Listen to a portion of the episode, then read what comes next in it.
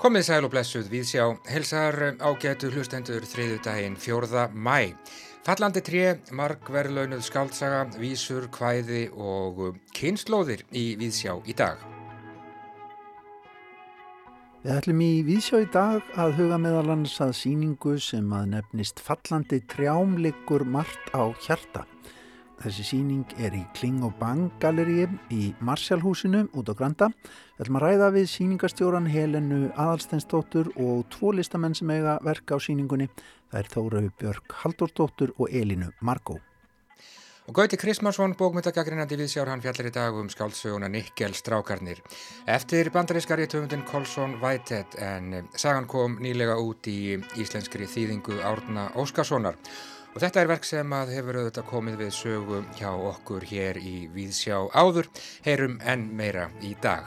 Og við förum líka til fundar við hagmæltan tónlistamann, heitum Þórarinn Má Baldursson, víjóluleikara úr Symfóníu hljómsveit Íslands í gamla kirkjugarðinum við Suðugötu. Við ætlum að ræða við hann um nýja bók sem hann var með í vasanum í dag. Hún kemur út í dag og heitir einfallega Vísur og hvæði. Háttböndin hvæðskapur þar á ferð. En við byrjum nákvæmlega svona.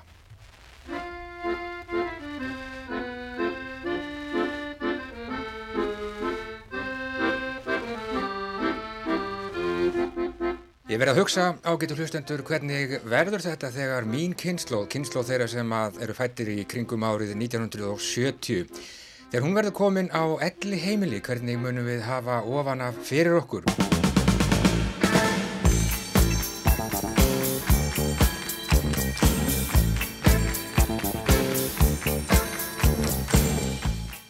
Ég heimsótti elli heimili um daginn og þar var hátíði bæ, þetta var í hátíðinu á fymtudegi og eldfjörugur nikkari í lopavesti hafi verið kallaður út.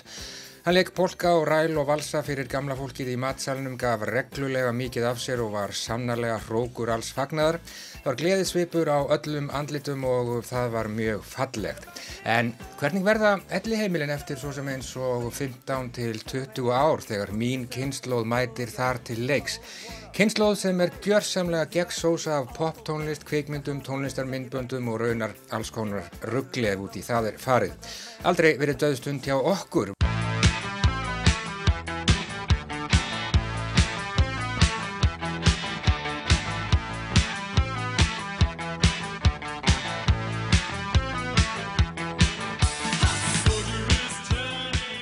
Víst er að það mun ekki virka að bjóða upp á eldfjöruðan harmonikuleikara í hátteginu. Það er eins og að hleypa djöfli inn í klaustur og varlaverður heldur mikið spilað, hvorki vist, brits, lombernja manni. Mín kynnslóð á bara held ég yfir höfuð ekki spila stokka, minigolf, nei, skiknilýsingar, ekki heldur, dans, námskeið. Ég veit ekki hvaða dansar það ættu svo sem að vera, breakdans, kannski, too late. Ég heyri fyrir mér samræður starfsfólks á ellihimili eftir svo sem eins og 20 ár. Ég held að við séum algjörlega búin að missa hann Alfred gamla hérna í herbyrgi nr. 219, já, elskulegur og hann nú annars er. Nú, já, hann er búin að vera að hlusta á plötu sem hann segir að heiti Samdinista með einhverju hljómsveit sem að kallaði sig The Class og það á fullu blasti í bráðum heilan sólaring. Er hann ekki búin að taka lifin sín? Nei, hann segist bara ekkert meg að vera að því, hann sé að hlusta á The Class, Samdinista, ég næði engu sambandi við hann.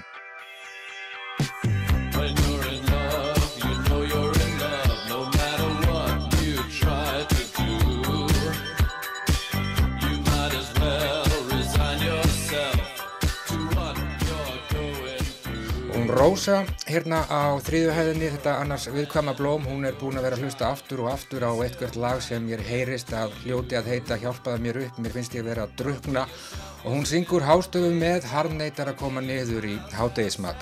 Og hann Ásgeir hérna í kjallaranum, hann hefur ekki farið í bað í viku, hann talar stanslaust um einhverja konu sem hann segir að heiti Grace Jones.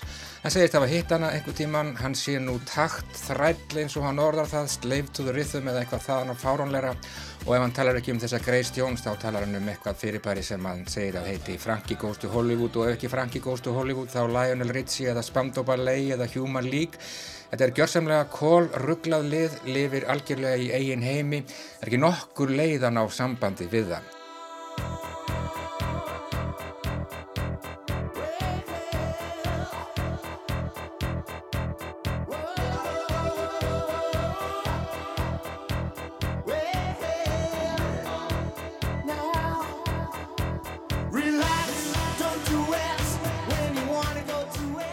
Já, svona verður þetta ágætu hlustendur nú eða ekki. Ég fór bara eitthvað að hugsa um þetta eftir að hafa heimsótt elli heimilið um daginn.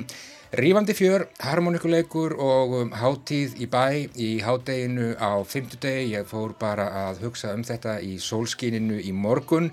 Kanski verður þetta svona, kanski verður þetta einhvern veginn allt öðruvísi. Ég hef auðvitað ekki hugmynd um það. Ergum minn, hérna eru lifin, það er líka komin til þinn gestur. Ég má ekkert vera að því að tala við hann, ég er að setja plötu á fónin, það stendur bara reglulega mikið til hjá mér. Talaðu við mig í fyrsta lagi eftir helgi.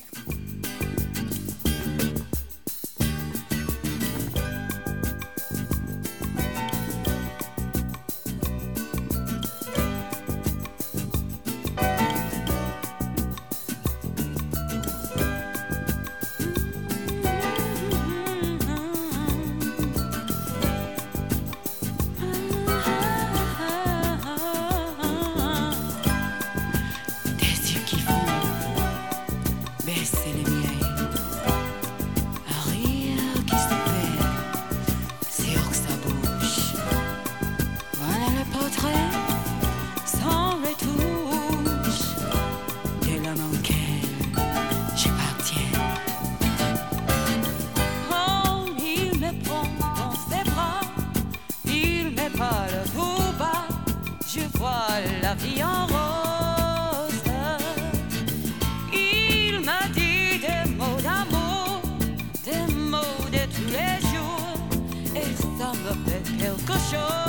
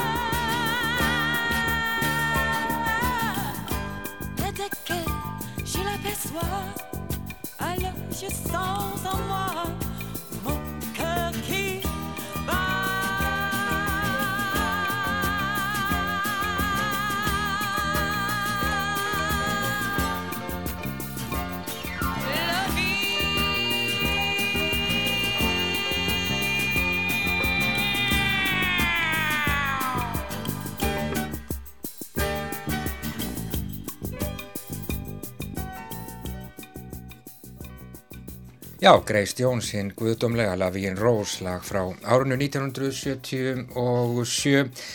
Þetta voru fáinn orð um kynnslóðir og elliheimili og ábyrg tilurinn til að spá fram í tíman. En þá förum við í gungutúr og setjumst á bekk í vorblíðinni. Við erum sest hérna á bekk í gamla kirkjugarðinum, Hólavalla kirkjugarði Suðugötu og hingað komið maður með bók. Þórarinn Már Baldursson, tónlistamæður víoluleikari í Symfóníu hljómsveit Íslands með bók, nýja bók sem kemur bara út í dag með lýsandi nafni Vísur og hvæði til hamingju Þórarinn með nýja hveriði Hér, takkir Sko áður en lengra haldið má ég byggja þig um að lesa fyrir mig fyrsta ljóðið í bókinni? Já. Last Orðin í kollinum oft vilja þvælast og vöðlast, ófleg og blind þó að lokum úr pennanum böðlast. Í fálmkendri leit eftir andanum blek hefur bröðlast, Blöðin í vonleysi hálfskrifuð rifist og kuðlast. Svo vilja brakfræðireglur í höfðinu riðlast og rýra þá hugsun er skildi í ljóðinu miðlast en vísa sem ítla og alls ekki rýmast og stuðlast er svo ég tali af hreinskilni barst að guðlast.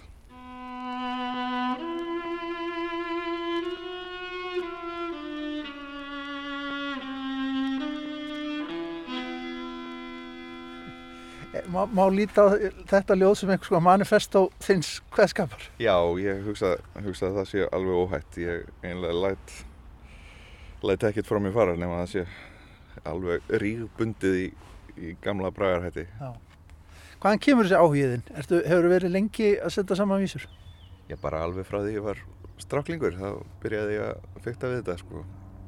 Og svona læra þessar gamlu bragfræðireglur og, og reyna að klampra einhverju saman. Já. Og svo hefur þetta bara eins og með svo margt ágerst með aldrinum. Var einhver sem imprentaði þetta í þig á sínum tíma að fara að prófa þig áfram í þessu og hérna svona já, setja eitthvað niður? Nei, ekki beinlinis, þetta er bara, uh, já, þetta var svona gert í gamans. Pappi var svona pínu að hnoða saman einhverju og, og nú flýgur einhver. Já, þessar á flugi hérna fyrir áfram. Leifum henni aðeins að fara. Við erum hérna í fluglínunni. Svo sé ekki fara að skoða gósið þessi, það er mjög líklega. Já, nei, já, þetta hefur bara, eins og ég segi, verið svona í umhverfinu eitthvað en eh, jú, afi minn, hann var skáld og, og orti nú mest svona óbundið en, en gatt hitt vel líka og gerði eitthvað að því. Og hann byrjaði að hjálpa mér að já, ekki kannski hjálpa mér að læra, ég var nú fljóttur að tilenga mér stöðlasetningu og svo leiðis en, en svona við hérna, töluðum mikið um hvaðskap og, og, og hann leiðbendi mér svona ef hann sá einhverjar, einhverjar stór líti á, á vísunum og Já. Svo þarf maður átt að segja því hvað er gott, er það ekki? Ég menna þú þarft að verða fyrir einhverju sem er tala tíðin í þessu. Jú, jú, ábygglega með þetta eins og allt sko uh, og þjálfast upp í að geta orð þannig að það sé svona frekar eðlilegt mál Mhm. það er mjög auðvelt að, að gleyma sér einhverju stagli og, og furðulegri orðaröð og, og, og það er nú kannski það sem er erfiðast í þessu sko Mhm. að reglurnar sjálfar eru ekkit ekkit mál að læra ef maður nenni því en, en svo þarf að æfa sig að láta þetta fljóta svona eins eins fyrirhafnar löst og, og, og maður getur Mhm. en jú, ég fór svo að bara hafa áhuga á hvaðskap og lesa og lesa og svo leis það liggur nú einn hér ný uppgötvaður sem er í miklu uppáhaldi hjá mér Páll Ólafsson, Já. út í hodni Einmitt. Akkurat. nýbúinn að fá stein yfir sig, skilst mér Já. Og svona hróður hans hefur vaksið mjög, mjög, mjög hratt svona undanförnum bara áratugum í rauninni.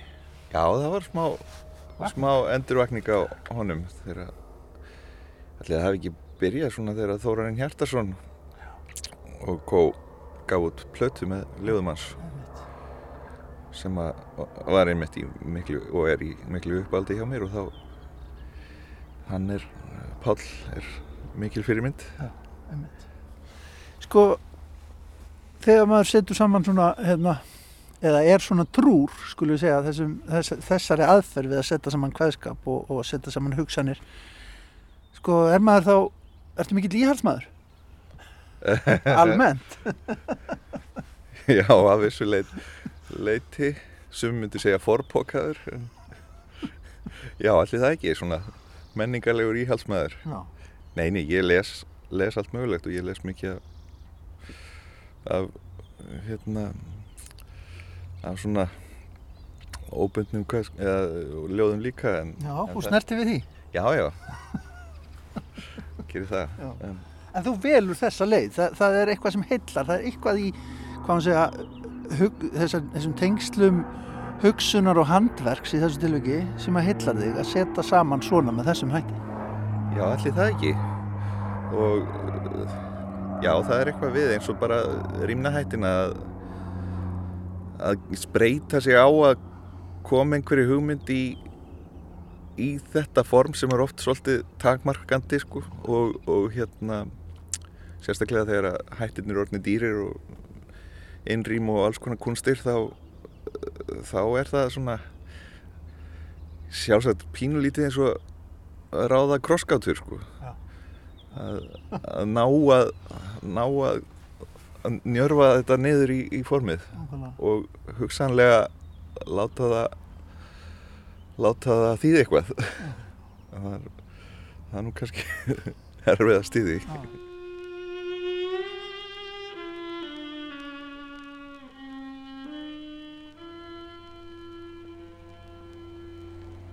Er á meðan er. Amma og selló undur blítt Er á gerstreng leikur. Afi þegar út er hlýtt Er á gerstreng keikur.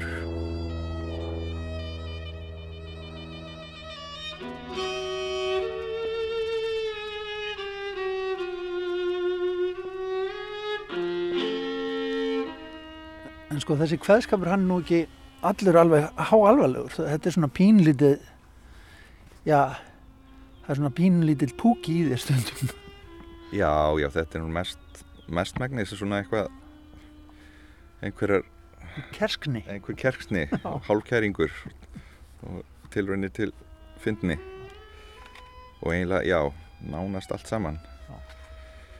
E einhver þannig undir tótt Er það svona til þess að geta skotið á fólk eða ég menna, þú veist, ertu, ertu einn af þeim sem að hérna, sem ert með svona bara á hraðbergi um menn og málefni á líðandi stund?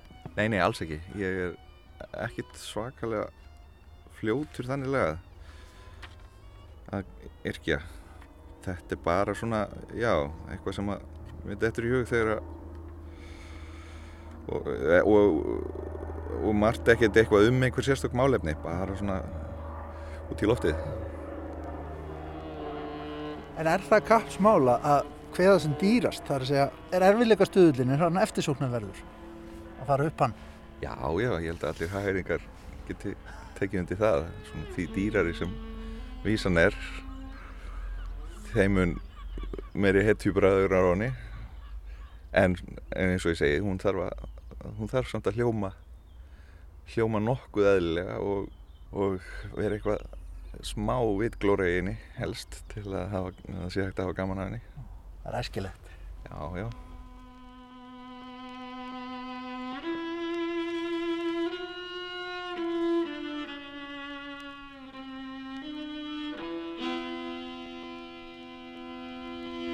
Syndir faldar, nökrar huldir, hýstur fjöldi galla, þú munt gjalda þínar skuldir þegar tjöldin falla. Já, voru í vesturbænum. Aftan sól á sundin skín, sær við skjólin merlar, skáld vassbólin menga mín, melankóli gerlar.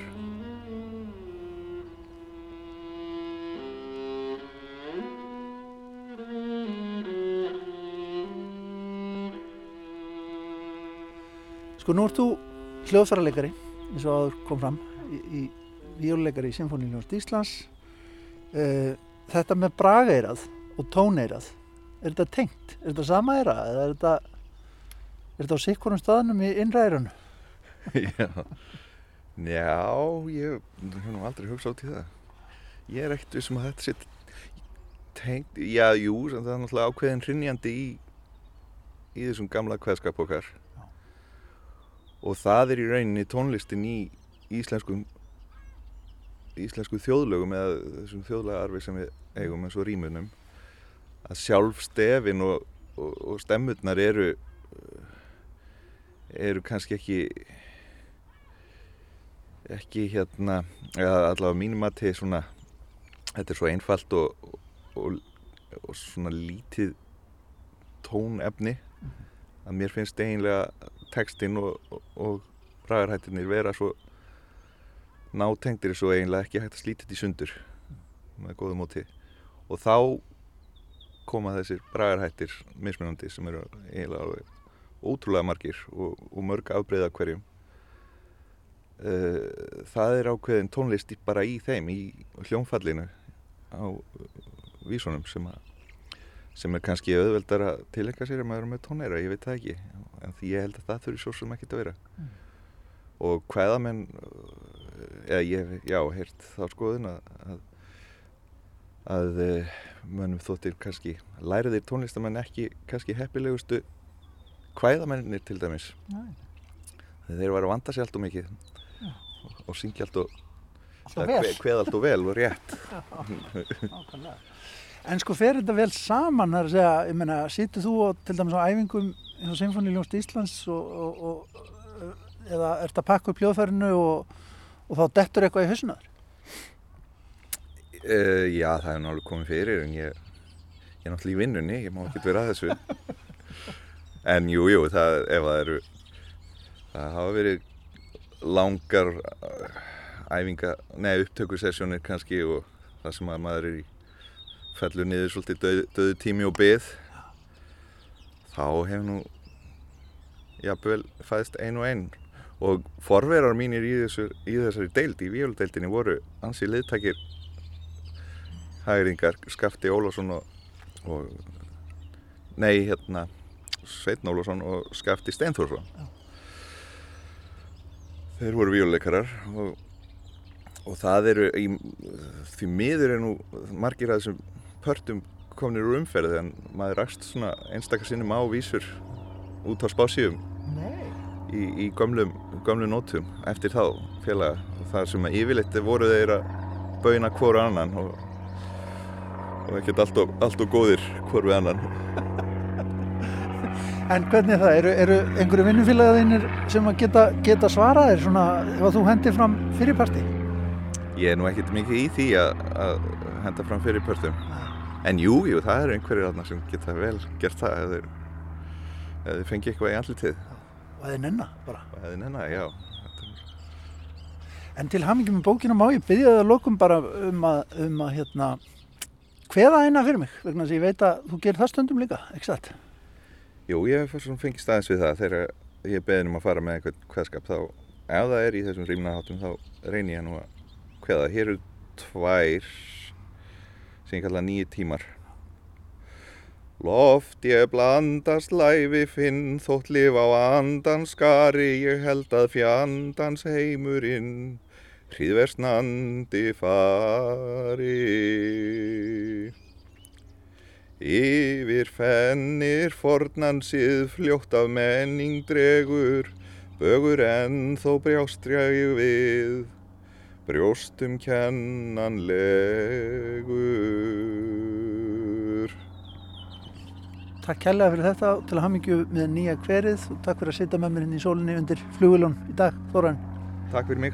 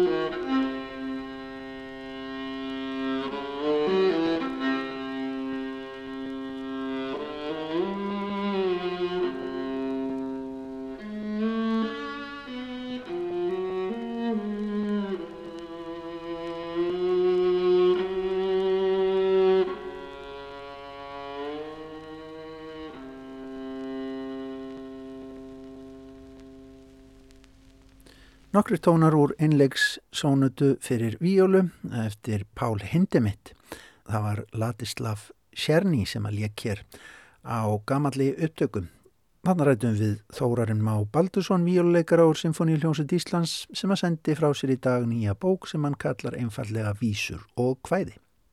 Og meira af bókmyndum hér í Víðsjá á þriðu degið og Nikkel Boys er áhugaverð skaldsaga eftir bandarækjumannin Colson Whitehead. Þetta er verk sem að hefur komið við sögu hér hjá okkur í Víðsjá áður. Þetta er eh, verðlunabók sem að kom fyrst út í fyrra. Hún er nú komin út í íslenskri þýðingu Árna Óskarssonar, Nikkel Strákarnir nefnist hún og eh, Gauti Kristmánsson, bókmyndagakri nefndi Víðsjár, hann er búinn að lesa. Okkur er vísast öllum í fersku minni þegar frásagnir af ofbeldi og mistyrmingum barna á heimilum á vegum ríkis, sveitarfélaga og engaðila komið fram fyrir nokkrum árum. Börnum var haldið gegn vilja sínum á stopnunum sem átt að veita þeim vernd, en þær gerðu ílt verra, markvallt verra. Þessar frásagnir sviftu einni hulu af tilbúnu sagleysi okkar þjóðar og síndu að mannvonskan þreifst hér mjög vel langt fram eftir síðustu öld. Vonandi hefur orðið raunverulegu breyting þar á. En þegar kynþáttahatri er bætt við inn í öfnuna, nær mannvonskan út yfir allan þjófabalk og það er efnið þessara verðlunasögu eftir Colson Whitehead í fítni þýðingu Árna Óskarssonar. Hún sínir hvað þund skæni siðminningar var og er hjá mörgum kvítum bandarækjumannum, engum körlum, sem kalla sig kristna og líta á sig sem gott fólk. Hræstin er svo gífulegu á stundum að manni blöskrar, eða ekki, að blöskra nær ekki við þá tilfinningu sem vakna við lesturinn. Sagan er samt ekkit að velta sér upp úr mistyrmingum og pyntingum. Sögum að það sem segir söguna frá sjónarhörni liðins áratugs segir blátt áfram frá og það bætir einlega við hryllingin. Þetta er samt falleg saga, saga af einum sem komst lifandi frá hildalegnum og kemur undir sér fótunum í New York í framhaldi af mannreittindabótum Kennedys og Johnsons. Borginni sjálfri er líka stilt upp sem anstæði við söðrið, þráttur í staka gargandi fasista er umhverfið miklu mannlegra enn í fortíðinni. Frásagnartæknin er bísna lungin, knappur tekstin er ekkit að bjóða lesendu miklar upplýsingar í byrjun hvers kapla þar sem hvar verða eða þegar farið er á milli tímabila. En annar með einstrengur sögunar gerist á sjönda áratögnum þegar strákarnir eru vistaðir í hennum svo kallaða Nikkelskóla í Flóridaríki.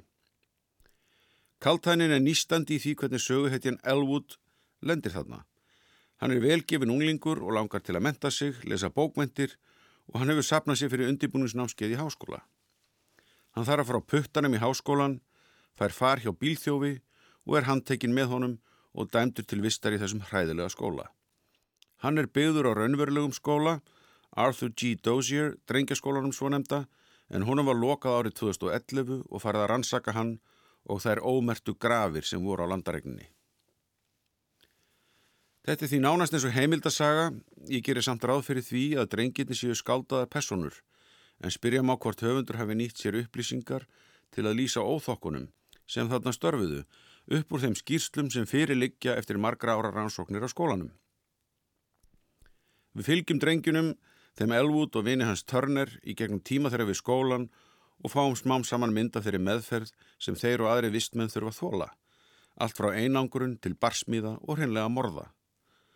Um leiðlikur þráður mennskunar og viljans til betra lífs í gegnum söguna og við finnum hann í þeim köplum sem segja frá örlögum eins þeirra eftir dvölina, hvernig hann er undir sér fótunum í New York og verður atvinnureikandi og sæmilega stæður borgari.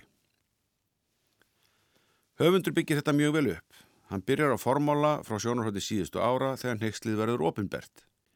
Síðan fléttar hann saman frásagnar af Elwood frá því áðurinn hann lendur í Nikkolskólanum til þess dags að hann yfirgefur hann og þeirri sem segir frá afdrifum hans eftir það.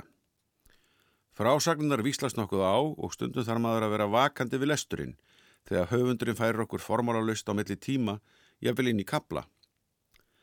Þrátt fyrir þessa kænlegu frásagnatöf komustu samt alltaf inn í efnið áður en langt um líður. Þessi framvinda geði söguna lestraspennu og hvetur lesandan áfram. Það sé að mjög öflug vending í sögur undir lokin sem bestra hafa sem fæst orð um fyrir vendanlega lesendur, en hún er afar áhrifarík og reyfir viðmanni ofan í allt sem á undan er gengið. Kerfisbundið kynþáttahatur í bandarækjunum hefur mikið verið til umræðu undan farin ár og við höfum þurft að horfa á það berum augum nýlega eins og þegar Derek Chauvin banaði George Floyd í Minneapolis.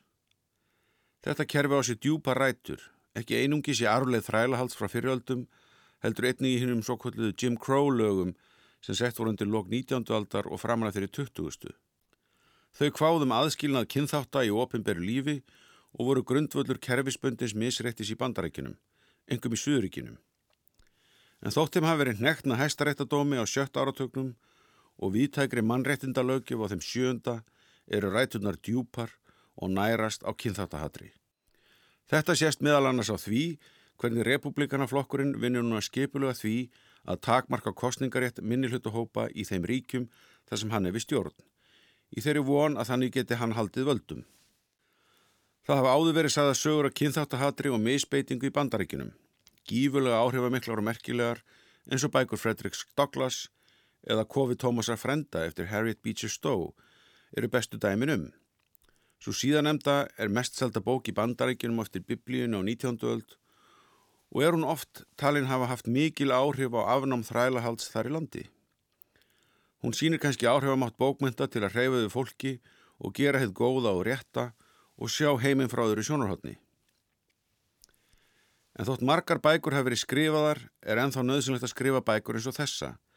Því tæki listarinnar til að ná til okkar, tilfinninga og raukhugsunar eru gífurlega máttug og vel til þess fallin að afhjúpa söguna að grýpa okkur lesendur með persónlegum örlögum einstaklinga og finna til raunverulegar samlíðunar með þeim.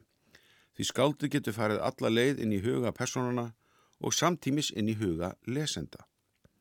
Þegar það tekst, og það tekst í þessu tilfelli, höfum við fengið eitthvað mannbætandi fyrir sál og sinni. Já, þetta sagði Gauti Krismásson um skáldsöguna Nikkel strákarnir eftir bandaríska rítöfundin Colson Whitehead. En úr bókmyndunum þá skiptum við yfir í myndlistina. Það er gaman að láta koma sér óvart og það tekst svo sannlega á síningunni Fallandi trjám liggur margt á hjarta sem er uppi í Kling og Bang Galleri í Marsjálfhúsinu þessa dana. Þetta er endar síðasta síningavika þannig að þið verði að vera fljót ágætu hlustendur til þess að sjá þessa forvöldnilegu síningu. Á henni eiga einu nýju listamenn verk en síningastjóri er Helena Adalstensdóttir. Við eh, fórum til fundar við hana og tvær listakonur sem eiga verka á síningunni. Það er Elinu Margó og Þóreju Björk Haldóstóttur. Það er búið að umbreyta rými gallerísins nokkuð á þessari síningu. Þegar maður kemur á svæðið þá tekum við manni lítið herbeggi þar sem að er inni bjórdæla, nokkuð óvinnlegt fyrir myndlistarsýningu kannski. En fyrst er maður að láta mæli sér hittan og spritta sig. Sko Helena, ég hérna, fór hérna strax í, byrjaði að fara í græu sem að tekur á mótum manni þegar maður kemur á síninguna og, og hérna, hún er ekki hér að ástæði lausu. Hvaða tæki er þetta nákvæmlega? Já, þetta er sem sagt svona sóttreynsi tæki og ég ákvað að eiginlega öll smáatri á þessari síningu væri svolítið meitt öðruvís sem maður er vanur og þetta fjallar svolítið um að búa til nýjan heim. Og hér þá baði ég Greti Þorkjölsdóttur sem er búin að gera grafíska hönnuna fyrir alla síninguna til að gera vídeo inn í með svona digital sóttrensi tæki þannig að þá strax er þetta einhvern veginn svona eitthvað annað en maður er vanur til að svona sína fram á að þetta er öðruvísi heimur. Sko ég veist ekki svona tæki verið til vegna þess að ég byrjaði á því að mæla hérna, líkamshýtan hjá mér til þess að fá grænt upp að ég væri á, á, að réttu hýtast í og svo er spritt vél hérna líka. Þannig að hérna, þetta tengist náttúrulega beintinn í samtíman hjá okkur. Auðvitað, já, og mikilvægt að þetta var til staðar á síningunni en einmitt, skemmtilega að hafa eitthvað svona heldur en gömlu spritbrúsuna sem allir þekkja. Já. Ég kom hinn um daginn, var að segja það með hérna aðan, ég kíkti hinn inn, uh, var nýri í Níló, kíkti hinn inn og sá þessa fyrstu innsetningu hér og vissi ekki alveg hvort það var opið eða ekki, þannig að ég heila fór tilbaka. Þetta er svona aldrei, það er búið að loka að salin og þetta rými sem að tekur á móti okkur hér fyrst, Hva, hvað getur sagt mér um það? Þetta rými er svolítið í höndum en á Þóriðar. Sem enná hérna hjá okkur. Þórið, þú kannski kemur inn í þetta hjá okkur. Sko, hér, hér er einhver ægileg vél og, og hvað? Bjór grani? Eða hva, á hvað er ég nokkulega að horfa? Hérna? Já, hér kemur inn í rými, á mótið er tekur skuldur sem að um, er bara í raun og veru strýpaður bar. Uh, ég vinn sem hannur listumæður og, og hérna og ég brugga líka bjór já, já. þannig að ég er ekki brugghús og hérna þannig að þetta er svona það sem ég horfa alltaf á þegar ég fyrir barinn og finnst fallegt þannig að ég hérna var alltaf að vinna með Uh, mér langaði uh, upprunalega pælingin hjá heluna var að ég kemi inn með bjór svo pæling þróaðist út í það að bjórin varð að verki um, sem myndi flæða alla síninguna og út á COVID að þá hefur verið að pæla rosa mikið í svona þessari nánd sem hefur orðið rosa dyrmætt. Já. Bara snertingin er orðin bara allt í hennu einhver önnur tilfinning en, en við fundum fyrir COVID. Þannig að hér er umræðir verk sem að uh, inn í miðjurífunu þá er skuldur sem að dælir fyrir því bjór á annan enda, þess að, uh, já, hvernig ég útskýra þetta í, í útvarpi. Út, út að glugga, eila, já. Út að glugga, þannig að hérna, hér eru fjór metrar á milli, tveir metrar tveir metrar og, uh, og það þarf tvo til að dæla sér bjór. Þannig að þetta er, í raun og veru er ég hér að skapa nánd í fjarlægð. Uh, þú þart alltaf að kalla á eitthvað og ef þú kemur hérna einn á síninguna, það er alltaf fallegt, þá verður einhvern veginn annarkort býður eftir að koma einhver annar inn eða þú sækir síningastjóran eða, eða einhver sem situr yfir og, og byrður um að hjálpa þér til að dæla bjór sem þú getur svo bara notið hérna þegar þú heldur inn á, inn á í hinn svæðin á síningunni. Um, og ég er að einu að vera að þetta kom út frá svona uh, Helena sagði við mig að þú ert með eitthvað hugmynd sem hefur verið í geimslu lengi uh, sem þú hefur ekki notað að þá er hér kjöri tækifæra því að hér eru að skapa eitthvað utopíu heim eða dystopíu heim eða hva, þú veist, einhvern annan heim. Og hérna þannig ég var alltaf með hugmyndina af heimnur ekki helviti í Kína. Uh, þegar þú fer til helvitis að þá er það langborð með öllum þeim kræsingum sem þér listir og þú fær prjóna nema prjónandir eru svo langir að þú nærði ekki að mata þig. Mm. og þú ert að eilifu að reyna að mata þig. Og þegar þú fær til himnaríkis þá er uh, scenárið alveg eins langborðið með kræsingunum en þar er fólk að mata hvert annan þar er hugsunna að hjarta sér svo að, að þú bara fattar það að þú matar náungan sko. Þannig að því hjálpist að. Þannig ég tók þetta aldrei inn í þetta verk og, og svona já að deila, deila bjór, deila mat. Það er svona hérna. Það er hugmynd, grunn hugmynd að baka. Já, svona, hvernig fer í, í skemmtistæðsleik á þess að skiptast á munatni þú veist, þetta er svona, þetta er svona hvernig, hvernig færði nánd á þess að snertast. Þannig að hérna, já.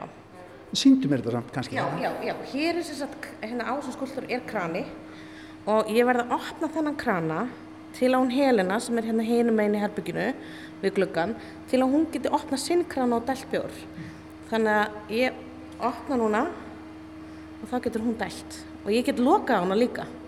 Þannig að ef mér finnst hún vera búin að fá nóg að þá, er, þá get ég stýrt og stjórnað. Skál. Nú er ég í vinnunni þannig að hérna, gladur vildi fá mér bjórglas ég er sem að sleppa því og er áhuga maður einmitt um myndlist og bjór þannig að þetta er í fyrst skipti sem ég hef reykist á bjór svona í fljót, fljótandi formi á myndlistsýningu. En hefur ekki haldið áfram helna og kíkja hérna inn í næsta rými? Ég kannski spyr út í eitt samt Þóri þessi þarna verðist vera kungulóð á vegg. Já, þetta er um, dyrfinna er með þetta verk og þetta verk er svona kannski helna getur útskýrta betur en þetta er svona uh, þú, þú sérð hennar verk svona á, uh, frá, já, frá uppafi þá kemur að kongulóða nestinu eða eitthvað hérna, já hreyðrinu, já. Já, þetta tengist því sem er hérna fyrir innan þessa dölafullu hörð í rýminu. Það er að gerast já. í rauninni. En af hverju, svona sem síningastöru, af hverju lo, lokar þessu svona mikið rýminu? Að, hérna... Eh, þetta er svona í rauninni eins og svona secret passage, svona leinuhörð, út af því að við erum að fara að kynast svolítið sjónahörnum feminískra svona útopíu og hugsana, þannig að við erum að, að stíga inn í heim, mjög svona persónlegan heim listamannana og þess vegna þá er þessi hurð í rauninni þetta að þú, þegar þú ert komin inn fyrir hana þá kemur, tekur mótið sem er svona einmitt svona annars unnur hljóð og byrta og þá ertu einhvern veginn komin inn í þennan heim, þennan persónulega heim. Þannig að það var mikið vægt að í rauninni þá er hann svolítið leindur og þess að svona hugsunir eru kannski ekki alltaf á yfirborðinu og þess vegna fannst mér skemmtileg hugmynd að loka svolítið fyrir en það er allir velkomni inn og þá er bara að, að íta hurðinni þá ertu komin í rauninni. Spennandi. Herðu, ítt á hörðuna.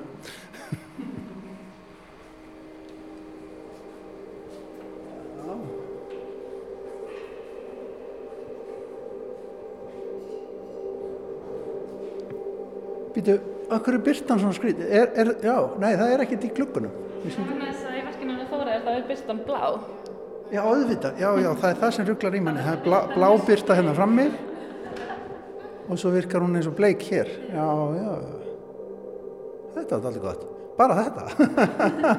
Líka þetta hljóð sem er ekki mjög hátt, þetta er svona, það verður svolítið svona létt, svona eitthvað, það er svona eitthvað svona, hvað er rétt orðið fyrir það, svona etheral, eitthvað svona, svona. Já, hljóðið sem mann tekur mótið manni það er svona, já, lifti mann einhvern veginn. Einmitt. Og þá líka kemur, tekur á mótum manni þessi hérna, verk eftir Jósefín van Sendel sem er hollandsk listakona sem er hérna búin að gera vídeoverk í, í skjár sem er 1,80 cm á lengd og 30 á breytt þannig að þetta er svona svona mann, mannvera í rauninni og skjárinu mitt er tengdur allavega 6 metra upp í loft en svífir er mitt bara 50 cm frá gólfinu þannig að þá líka kemur eitthvað svona léttleikið hér og, og hljóðið er partur af þessu verki. Hér er einhvers konar skuldur í þessu vídeoverki sem að umbreytist jamt og þjætt, sínist manni. Þetta er svona stanslös, stanslös svona morfun einhver á, á hérna, verkinu. Já, þetta er hérna, verk sem er unnið í, sam, í hérna, samfunnu við gerfigreind. Þannig að mögulegnir eru endalösir og Jósefún er búin að gefa gerfigreindinu upplýsingar um helleníska skúldúra sem eru fornir, grískir og rómauðskir skúldúrar og uh, ljósmyndur af trjám og, og skói í nákvæmni sem hann býr í Stokkólmi og svo upplýsingum um hlínun jarðar. Þannig að úr þessum upplýsingum verður til þessi nýja vera sem við sjáum í vídjónu. Og þess að gerfigreind bjó líka til ljóð sem að flæða hérna upp veggina og niður gólfið. Þannig er alveg samstarf í rauninni listakonunar og, og tölvu. Það enda með þessu, við förum á millirsýningar sem að gerfigreindin sér bara um. Mér finnst þetta samtal mjög skemmtilegt Já. og þetta er svona að taka eitthvað sem er mjög fornt eins og skúlturarnir og svo eitthvað sem við sjáum sem framtíðina sem er þessi gerfigreindin mitt og sjá hvað gerist þar á milli, þetta verður eitthvað svona framtíðar forðlafagröftur. Einmitt. Hvað sjáum við, er, er þetta áfram hún eða hver, hver á þetta hér? Þetta er verk eftir Elín Margó. Já, Elín er líka hérna, eins og heppin, það eru konar tvær listakonur til funda við okkur. Hvað getur þú sagt mér um þetta verk? Um, með þessi verki, ég var að hugsa mikið og við verum að tala við Elínu mikið líka um sambandi okkar við öðrum dýrum, öðrum plöntum, svona humans and more than humans og ég er að vinna mikið með mat og, og svona menning í mat. Af hverju erum að borta sem við erum að borta og af hverju erum að borta svona? Hvað kemur svona behaviors og tradition, habits? Mm. og í mat það er mikið svona connection við öðrum plöntum og við öðrum dýrum út af því allt sem við erum að borta er lífandi og ég er persónulega að um, gera mikið svona fermentation uh, eins og til að búa til ost, til að búa til vín, til að búa til uh, skobi eins og vatna. Uh, Býtu hvað er þetta sér? Svona skobi, það er symbiotic culture of yeast and bacteria. Já, þetta er einhvers konar ræktun. Já, það, það er svona bakterju og geir inn í þessu sem þú sé þarna og þú ert að nota það til að búa til kombucha og kimchi mm. sem er býnað svona fræ drekk núna og ég er að gera það mikið persónulega og, og ég var að hugsa mikið hvernig ég er að passa þessum more than humans og svo ég fann sem uh, inn í þessu út af ég er að passa þessu svo mikið við erum að deila bakterju og gerum. Svo there is some bacteria and yeast that are on my body are actually also in the food I'm fermenting because I'm like passing it on Þeir eru tengt þú og ræk, ræktuninnin. Já. Já. Ég vissi ekki, kimchi, er það búið til svona? Það er svona sama prósess. Það er symbiotic culture of yeast og bakterja líka.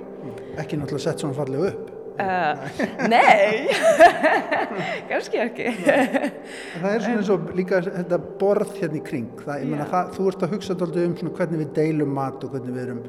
Já, og fyrir þessi, það var mikið svona sambandi mín sem er að uh, vaksa I'm growing and birthing uh, those beings og ég er líka að borta það. Svo ég var líka mikið að hugsa svona mother and mothering. Oh. Þetta er svo móðir hérna, Já, ég, að ég, er- svona mamma á svona skópi. En út af við móður in our human culture is someone that's taking care uh, of other beings, other humans, but here other beings. Í kringum þessa dulafullu ræktun hjá Elinu Margó í þremur gler ílátum í miðju innsetningar hennar og hún hefur komið fyrir á borði með slöngum á milli ílátana eru síðan önnur borð með ávölum bleikum formum úr keramík. Elín segir mér að hún sé mikið að velta fyrir sér móður hlutverkinu þannig að hún er í raun að vernda ræktunina sem á sér stað í verkinu, skóvinnar, kombucha tesveppin og eitthvað það sem að nálgast kimchi, kóreanska réttin, gerjun sem á sér stað í verkinu.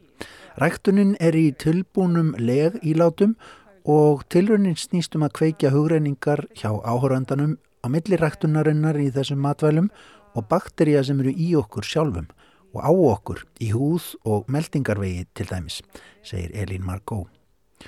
En við Helena Aðalstensdóttir síningastjóri höldum áfram að skoða fleiri verk á síningunni í Kling og Bang. Við okkur taka skúltúrar, innsetningar, vídeo og jafnvel tölvuleikur. Þetta er fjölbreytt síning. Já, að taka fleiri kongulegar á mót okkur. Það er svona eins og leiðamann í gegnum síninguna, er það ekki?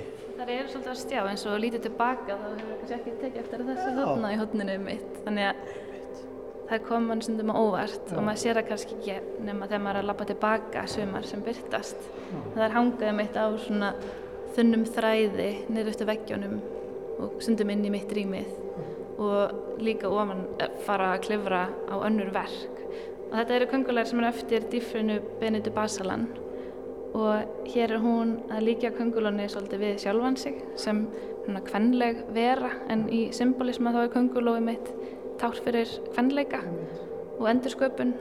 En á sama tíma er köngulón alltaf á jæðrinum og hún er svolítið að fela sig í hotnum og bak við opna og en undirbýsi svo til að stökkva svolítið á bráðina. Það er svolítið svona eins og konan stundum þurfa að- að undirbúa sig til þess að fá svo orðið eða að fá að taka þátt í ákvarðunatökum og, og framvegis. En hérna er mitt þá er köngulón mjög svona mikill kraftur í henni og, og hérna hún er svolítið ókveikjandi nánast þegar maður kemur inn í mitt rýmið og þá er maður rauninu umkringdur stál köngulóm með oddkvössum endum Ræðum aðeins hérna titil síningarinnar og hvernig þú velur listakonurnar inn í konseptið þitt. Ég menna, þú ert, að, þú ert bara titilin vísar beint í þessa frægu setningu um, um trér sem að falla í skógi og ef enginn heyrir í þeim, hvað fallaðu þá eða það ekki? Jú, einmitt, hvort það heyrist hljóð þegar þau falla í skói og enginn er nálægt. Og þetta er svona einmitt heimsbyggleg spurning sem allir þekkja þannig að mér langaði til að nota þennan orðarleik svolítið út því að jötna, til að hafa smá svona þannig að allir þannig sé aðgengilegur titill. Og það sem ég var að hugsa bak við titilin var að svara þessar spurningu hvort það heyrist hljóð. Og ég segi já, það heyrist hljóð vegna þess að, vegna þess að þótt að þú kannski sérð ekki sjálfan þig í sögum eða upplifum annara þá eiga samt þessar ólíkjur raunveruleika sér stað og, og það er spurning um sko, að hlusta meira eða taka þátt í samtalenu meira til þess að aukna skilning á milli málfólksins. Þannig að það er rauninni svarið e, já, fallandi trjám líka margt á hjarta eða ennsku yes a falling tree makes a sound and it has a lot to say. Það er þetta að hlusta á í rauninni upplifanir annara til þess að að auka skilning á milli mannfólksins og, og sportna við hérna, mismunun og, og svo framvegis.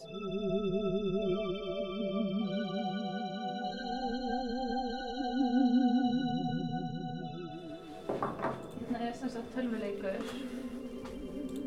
sem að Brokat Films bjúku til sem að er hérna leikur þar sem þú ert að í rauninni í leitina sannri gerfi ást. Já.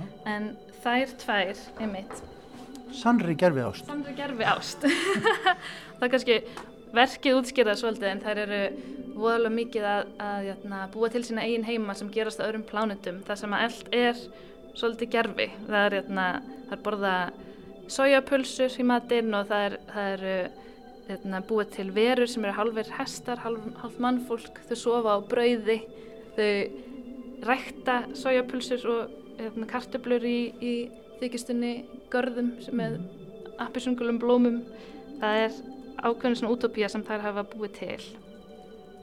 Þær eru alltaf í leitinni að the comfort zone eða þessum þægindrama. Og það hefur allir heyrt það að, mitt, að, að maður þarf bara að stíga út fyrir þægindraman til að láta hlutin að gerast. En mm -hmm. það er spyrja sig hvar er þægindramin sem hefur verið að hvita okkur stíga út úr? Því það hafi ekki fundið hann hinga til á jörðinni. Og þess vegna í verkunum þeirra þá fara þær mikið út í geim og búa til nýja heima þar sem að er kannski þeirra þægindrami til. Já. Og þetta er náttúrulega það sem við gerum þegar við förum í tölvuleikina og inn í, inn í kvikmyndir og inn í alla þessa afþreyingu. Það er að hérna, búa okkur til þægindarama hverfa ekkert Nákvæmlega og það er samt það sem að mér finnst svo skemmtilegt að ræða með vísindaskálskapa í rauninni erum við ekki að leita okkur að útgönguleið út úr raunveruleikanum heldur erum við að kafa dýbra inn í hann. Þannig að með því að búa til þessa heima sem eru fullkomnir fyrir okkur sem bara persónulega þá ertu í rauninni að skapa það sem að vantar fyrir þig á jörðinni eða í þinnum raunveruleika. Og þá er hægt að kritika betur hvað mætti betur fara í samfélaginu. Þá ertu raunin að búa til ásarrátt eitthvað svona hérna, áskorun eða svona þetta. Skoðun og speil á, á, á, á þetta eigi líf. Nákvæmlega. Og þá einmitt, er þetta aðtöða og sjá betur hvað það er sem vantar og kannski hægt að, að láta það gerast að hérna, breyta til og, og búa til þennan svona þessa útöpju hér líka í raunveruleikanum.